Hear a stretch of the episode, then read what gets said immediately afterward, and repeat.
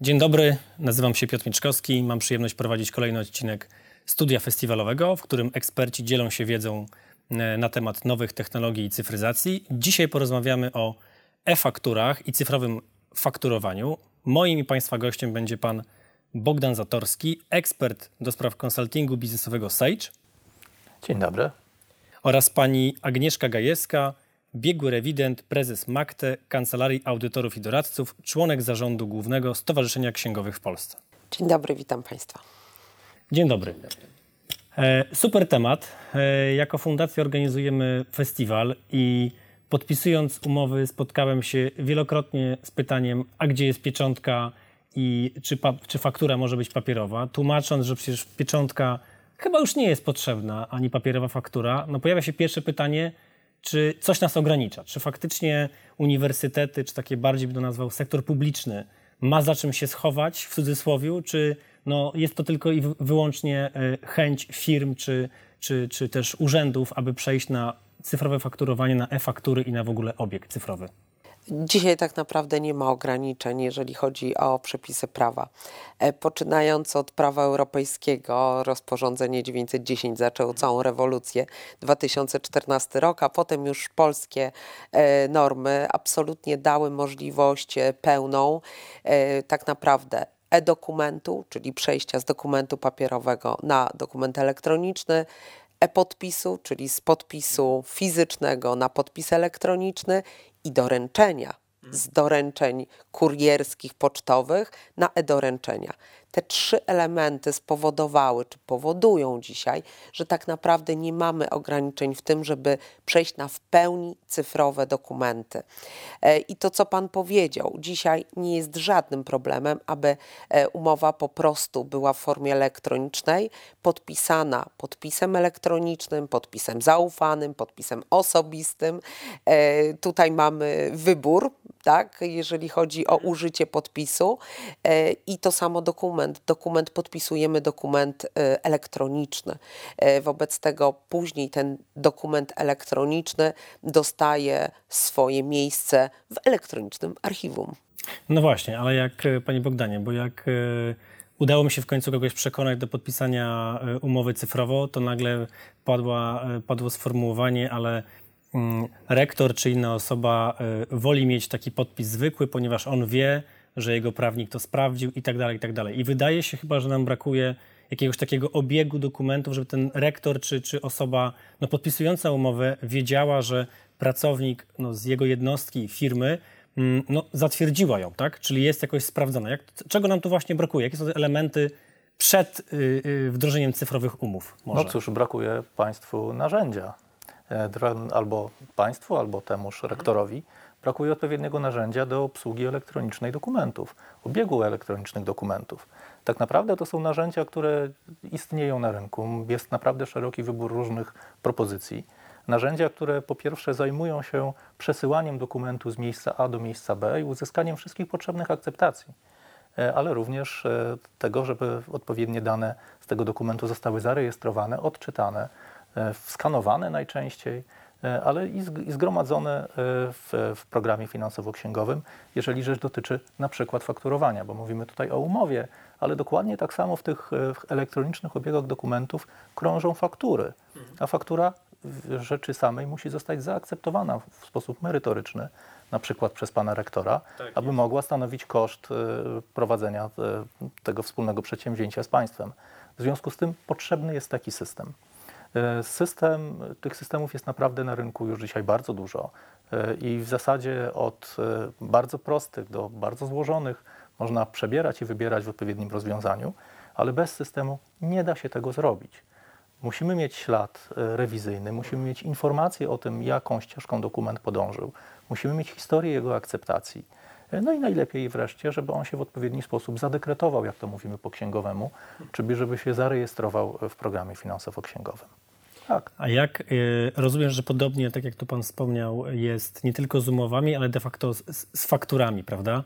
I teraz przechodząc do, do tych faktur, y, no obiegowa, wydaje mi się, taka opinia y, panuje na mieście, że cyfrowa faktura to jest PDF. wie, mówię o konsumentach, że Naturalnie. jak, jak mają fakturę, to dostali PDF-a i to jest faktura. No a jak wiemy, nie do końca z tym tak jest. To jest uproszczone rozumienie, powiedziałbym, No właśnie. tego, tego, tego tematu.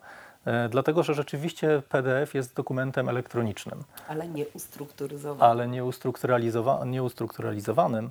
W związku z powyższym trudno odczytać go w tym sensie, że nie wiadomo, w którym miejscu spodziewać się tych informacji, które są nam potrzebne, a których spodziewamy się, że na fakturze będą. I oczywiście istnieją odpowiednie techniki pośrednie, typu skanowanie tego dokumentu, odczyt go systemem OCR, ale to jest niepotrzebna nikomu dodatkowa praca. Dokument, faktura elektroniczna powinna być fakturą ustrukturalizowaną. To znaczy, że w ściśle określonym miejscu jest informacja, która jest istotna z perspektywy y, y, odczytu danych z faktury, na przykład dane kontrahenta, jego NIP, e, kwota podatku VAT czy pozycję na fakturze. To są informacje, które dokładnie mają swoje konkretne miejsce. I taki dokument w sposób automatyczny można przetwarzać. I to jest tak naprawdę faktura elektroniczna. No właśnie, a Tam czy tutaj, najwyższy stopień wtajemniczenia faktury elektronicznej. Panie Agnieszko, czy to jakiś mamy standard takiej e-faktury, czy to właściwie kontrahenci muszą między sobą, między firmami e, ustalić pewien e, format wymiany? Jak to mamy, wygląda? taki, mamy taki e, standard, co prawda można powiedzieć, że to jest taki semi-ustrukturyzowany e, format XML, e, który dzisiaj jest formatem, który funkcjonuje przy zamówieniach publicznych. Za chwilę od listopada mm, wszystkie zamówienia publiczne będą w ten sposób funkcjonowały już bez żadnych wyjątków. Wobec tego stworzy się takie pierwsze, e, można powiedzieć, państwowe miejsce, gdzie będą tylko i wyłącznie faktury elektroniczne i to na dodatek w formacie XML-a. W formacie, który e, na podstawie zawartych tam metadanych e, będzie mógł zero-jedynkowo odczytać właśnie wszystkie dane, o których tutaj Bogdan powiedział, tak? Czyli będzie można te dane bezpośrednio wczytać do systemów. No i tu powstaje znak zapytania, czy właśnie to powinien być od razu system finansowo-księgowy, a zdecydowanie jestem tu za rozwiązaniem, że powinien by, powinno być to miejsce przejściowe, e, gdzie te dane będą mogły zostać e, właśnie potwierdzona ich autentyczność, że rzeczywiście e, ten przedsiębiorca dokonał zakupu, usługa została wykonana, towar został do, dostarczony. Bo to będzie główny problem, tak? Za chwilę rok 2020, 2021 pewnie przyniesie nam e, również e, centralną bazę faktur, e, gdzie każdy przedsiębiorca już będzie mógł prawdopodobnie pobierać faktury, które są dla niego wystawione. I tu pojawi się właśnie ten problem z potwierdzaniem autentyczności tego dokumentu, że on rzeczywiście dotyczy tego e, przedsiębiorcy. E, ja powiem tak, dzisiaj mm, przedsiębiorcy w, e, w świecie COVID-u, tak to powiedzmy, bardzo mocno poszli do przodu. Tak? Tą cyfryzację po prostu widać na każdym kroku, że widzą tą potrzebę. Jeszcze pół roku temu wahali się z niektórymi e, wdrożeniami. Dzisiaj widać tą śmiałość w kolejnych wdrożeniach, e, właśnie chociażby czy e-faktur, czy obiegu dokumentów, w ogóle całego procesu, który jest w firmie. Mm, I to dobrze, bo od tej cyfryzacji po prostu nie ma odwrotu. Też tak uważam. E, Wspomniała Pani o, o, o 221, więc ja tylko powiem, że, że przygotowaliśmy wspólnie z firmą Sage ten Census jako Fundacja Digital Poland raport, który właśnie mówi, co będzie w nadchodzącym e, roku, to co zrobi również Ministerstwo e, Finansów, do którego zachęcam na, na stronach fundacji, jest do pobrania, ale również na stronie festiwalu cyfryzacji. Natomiast wracając do tych faktur i danych, jak ja sobie myślę o centralnej bazie danych faktur, to jest gigantyczna wiedza. Od razu mi się włącza lampka bezpieczeństwo. Czy tutaj są jakieś zalecenia, jak, jak zadbać o, bez, o bezpieczne składowanie, nazwijmy, e, tych faktur? No bo faktury papierowe, wiadomo, były magazyny, duże korporacje, duże firmy robiły sobie zewnętrzne magazyny wręcz, nie tylko do umów, ale i do faktur. W- nawet firmy warszawskie wywoziły wręcz z Warszawy faktury te papierowe, te duże korporacje, które mają tutaj siedziby. Jak to wygląda z tymi e-fakturami? No bo one niby pliki XML może są małe, ale idące pewnie w tysiące, więc Tak, jak zadbać o tak. bezpieczeństwo? No tutaj mówi się o miliardach, tak? Nawet No to już w ogóle. 80 miliardów faktur. E, To jest giganty- nie, to jest robi, gigantyczna- e, gigantyczna liczba. Tak, to, to są e, olbrzymie e, ilości tych faktur i tu rzeczywiście trzeba dbać o bezpieczeństwo. I tutaj myślę, że z pomocą przychodzi znowu oprogramowanie. Tym razem e, proszę zwrócić uwagę, że tak naprawdę faktura elektroniczna może być bezpieczniejsza niż faktura papierowa w takim obrocie i wymianie.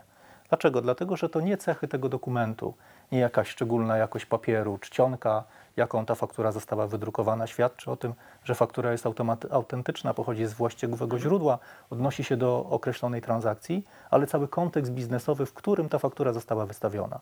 Proszę pamiętać, że faktura nie wzięła się z powietrza. Ona jest konsekwencją pewnych działań biznesowych, które przedsiębiorca podjął. I tak zresztą rozumuje ten, po- postrzega ten problem e, Unia Europejska, definiując, że faktura ma być zabezpieczona pewną ścieżką audytu, nie, nie bierze się z powietrza. Zatem od strony takiej biznesowej to nie sama jakość tego pliku, jakieś jego szczególne, charakterystyczne cechy decydują o tym, że faktura jest autentyczna. Świadczy zresztą to o tym fakt, że już nie podpisujemy faktur. Tak jak nie podpisujemy faktur papierowych, one nie potrzebują naszego podpisu. To prawda, chociaż w niektórych widzę systemach jeszcze się pojawia takie miejsce przy druku Prawda? do PDF, miejsce na podpis. No to jest anachronizm. To jest Tak. anachronizm, to jest już do niczego niepotrzebne, ale w dokładnie w ten sam sposób nie musimy podpisywać faktur elektronicznych, bo to nie ten fakt, nie ten plik sam z siebie świadczy o tym, że on jest e, autentyczny e, i można go e, przetwarzać. Nam się, rozumiem, też pewnie zmieni sposób kontroli skarbowej, no bo skoro już przy kontrolach skarbowych najczęściej jest informacja, że prosimy o kserokopię faktur, za potwierdzenie pieczątka, że potwier- potwierdzono za oryginałem, czy za zgodność z oryginałem. To już się zmieniło. To już To- się zmieniło. Tak, to, to może taki wątek. Proszę Państwa, no już od 2017 roku mamy e, powtarzające się interpretacje skarbowe e, o tym, że e, jednostka może przechowywać dokumenty tylko i wyłącznie w formie elektronicznej. Tu mówiliśmy o bezpieczeństwie, to są też archiwa, Pan mówił o tych archiwach wywożonych z Warszawy. E, Tak. Bo znam firmy, które naprawdę mają gigantyczne- zdigitalizować te dane. E, oczywiście tam są warunki, że trzeba zachować autentyczność, e, e, możliwość odczytywania tych faktur, dostęp do tych faktur w formie elektronicznej, między innymi dla organu skarbowego, e, ale e, absolutnie jest to zgodne z prawem, żeby przychowywać te faktury tylko i wyłącznie w formie e, elektronicznej. Także zarówno przepisy prawa, jak i powtarzające się interpretacje skarbowe to potwierdzają. A od strony bezpieczeństwa, no znowu można wrócić do tego tematu, który już tutaj podjęliśmy, czyli do systemu obiegu faktur. Dokumenty przekazywane tą metodą są przekazywane nieporównywalnie bezpieczniej niż na przykład przesłane w postaci załącznika do poczty elektronicznej jako taki plik, zwykły plik PDF. Powiem więcej, e, też o tym mówimy e, w innych odcinkach, że właśnie wyczulamy na to, że e, dosyć popularny stał się phishing, czyli podmiana adresów, jakby podmiana, no, podszywanie się pod czyjąś dużą firmę, wysyłanie niby faktur w PDF-ie i informowanie o konieczności przelewu w związku na przykład z zaleganiem. Po czym okazuje się oczywiście, że to nie była faktura znanego wielkiego usługodawcy, e, takiego typowego, który sprzedaje prąd czy usługi telekomunikacyjne, e, tylko to był e, umowny haker, tak? czy jak, jakiś złodziej, który de facto cyfrowo chciał wymusić przelanie pieniędzy. Dokładnie, także proszę zobaczyć, że to jest ogromny temat, więc nic tylko cyfryzować faktury, ale cyfryzować je na poważnie. Takie prawdziwe faktury z prawdziwymi metadami, one tylko nam dadzą odpowiedni oddech, pozwolą nam je gromadzić w postaci elektronicznej, zmniejszą obciążenie pracą e, po stronie działów księgowych, no i z tego są wyłącznie korzyści. A od czego zacząć? Gdyby y, jakiś przedsiębiorca no, spojrzał na to w tym momencie optymistycznie, tak jak tu pani e, Agnieszka powiedziała, że COVID też wiele zmienił e, e, w sytuację. Od czego, jakie są tutaj rekomendacje? Od czego zacząć taką transformację cyfrową tych swoich finansów? Czy od jakiegoś audytu, czy, czy od tego oprogramowania do obiegu dokumentów? Od czego w ogóle zacząć tak wprowadzenie tych e-faktur w swojej firmie? Ha, ja bym zaczął od rozmowy z księgowym. I od, od, od tego bym zaczął. Tak naprawdę od, od tej strony, na ile e, on ma już w sobie pewną gotowość, żeby przyjmować dokumenty w postaci cyfrowej i czego z kolei jego system, z którego on na co dzień korzysta, wymaga, aby te dokumenty przyjąć. I to bym potraktował jako punkt wyjścia. E, Ja bym jeszcze dodała e, rzecz niezwykle ważną, mianowicie mm, opis czy też przeanalizowanie procesów całościowych, które przebiegają w danym przedsiębiorstwie.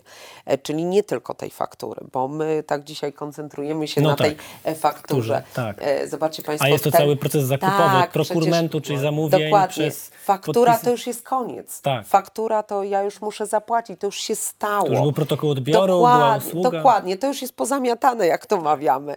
E, zacznijmy od samego początku, czyli właśnie zamówienie. W jaki sposób ja potwierdzam, że dany zakup jest potrzebny dla mojej firmy, tak? E, jak ja to analizuję? Czy to jest na przykład w budżecie, tak? Czyli tu już mamy e, nawiązanie w obiegach dokumentów do, e, do budżetowania, zamówienia, podpisywanie umów, to co Pan powiedział. I dopiero ta faktura jest efektem końcowym, która potwierdza, że to wszystko A się wydarzyło, tak. B jeszcze na dodatek e, towar przyjechał, usługa została wykonana. Czyli jeżeli przedsiębiorca będzie miał świadomość, jak wyglądają u niego procesy w firmie, będzie wtedy, myślę, miał doskonałą możliwość do tego, aby cały ten proces zinformatyzować. Tak? Czyli nie tylko koncentrować się na fakturze i na tym, końcowym że, tym elemencie. E, dokładnie, że ta metadana ma wpaść do systemu finansowo-księgowego, bo gdzieś tam za chwilę systemy finansowo-księgowe będą po prostu bazą danych. E, natomiast ten cały przebieg tego procesu, potwierdzenie każdego z elementów, o tym dzisiaj mówiliśmy, poprzez te pieczęcie elektroniczne, podpisy elektroniczne, to jest niezwykle ważne. Także musi usiąść, na spokojnie się zastanowić, jakie są u mnie procesy w firmie. W małej firmie zwykle będą to krótkie przebiegi, tak? Bo to ja jako właściciel decyduję się na zakup. Ale tu powstaje kolejne pytanie. Bardzo często jako niewielki przedsiębiorca korzystam z usług biura rachunkowego. Tak jest, no to jest Jaką najbardziej mam spotykane. pewność, że właśnie moje faktury w tym biurze rachunkowym są w moich księgach rachunkowych. Tak? Czyli kwestia tego, czy moje biuro ma system do elektronicznego obiegu dokumentów. Ja tą fakturę w postaci zdjęcia, e, czy też właśnie XML-a, który dostanę, czy pobiorę e, z bazy centralnej, e, przedkładam do systemu, wrzucam, akceptuję i automatycznie wysyłam do systemu finansowo-księgowego, który tak naprawdę prowadzi księgi, które prowadzi biuro rachunkowe. Tak? To, to, to, są, to są kwestie bardzo ważne i ciekawe. Także rzeczywiście od procesów, od księgowego, a dopiero następnym krokiem jest rozejrzenie się za odpowiednim narzędziem, e, który będzie ten proces wspierać, nad, narzędziem informatycznym. No bo skoro to są pliki, no to bez narzędzia informatycznego nie da rady, ale to jest dopiero następny krok. Najpierw trzeba zobaczyć, co się ma w firmie i czego tak naprawdę potrzeba. Nie, nie błędem byłoby e, patrzenie na ofertę producentów i ojej, tu jest więcej funkcji, no to na pewno ten system będzie dla mnie lepszy. Pewnie. Wyjdźmy od potrzeb najpierw. Od potrzeb, dokładnie. Ja zachęcam e, pogłębić wiedzę w najnowszym raporcie e, Cyfrowe fakturowanie e, w Polsce. Temat szalenie ciekawy, a to jeden z kluczowych elementów finansów, również firm, aby zadbać o po pierwsze odpowiednie składowanie faktur, mówimy tu już o końcowym tym efekcie, ale zacząć od mm, obiegu dokumentów, obiegu umów, sprawdzenia swoich potrzeb i przejścia na, na, na cyfrowe umowy i cyfrowe fakturowanie. E, Moim Państwa gościem dzisiaj był pan Bogdan e, Zatorski, ekspert do spraw konsultingu biznesowego Sage Dziękuję. e, i pani Agnieszka Gajewska, biegły rewident, prezes MAKTE, Kancelarii Audytorów i Doradców, członek zarządu Głównego Stowarzyszenia Księgowych w Polsce. Dziękuję Państwu serdecznie. Dziękuję również.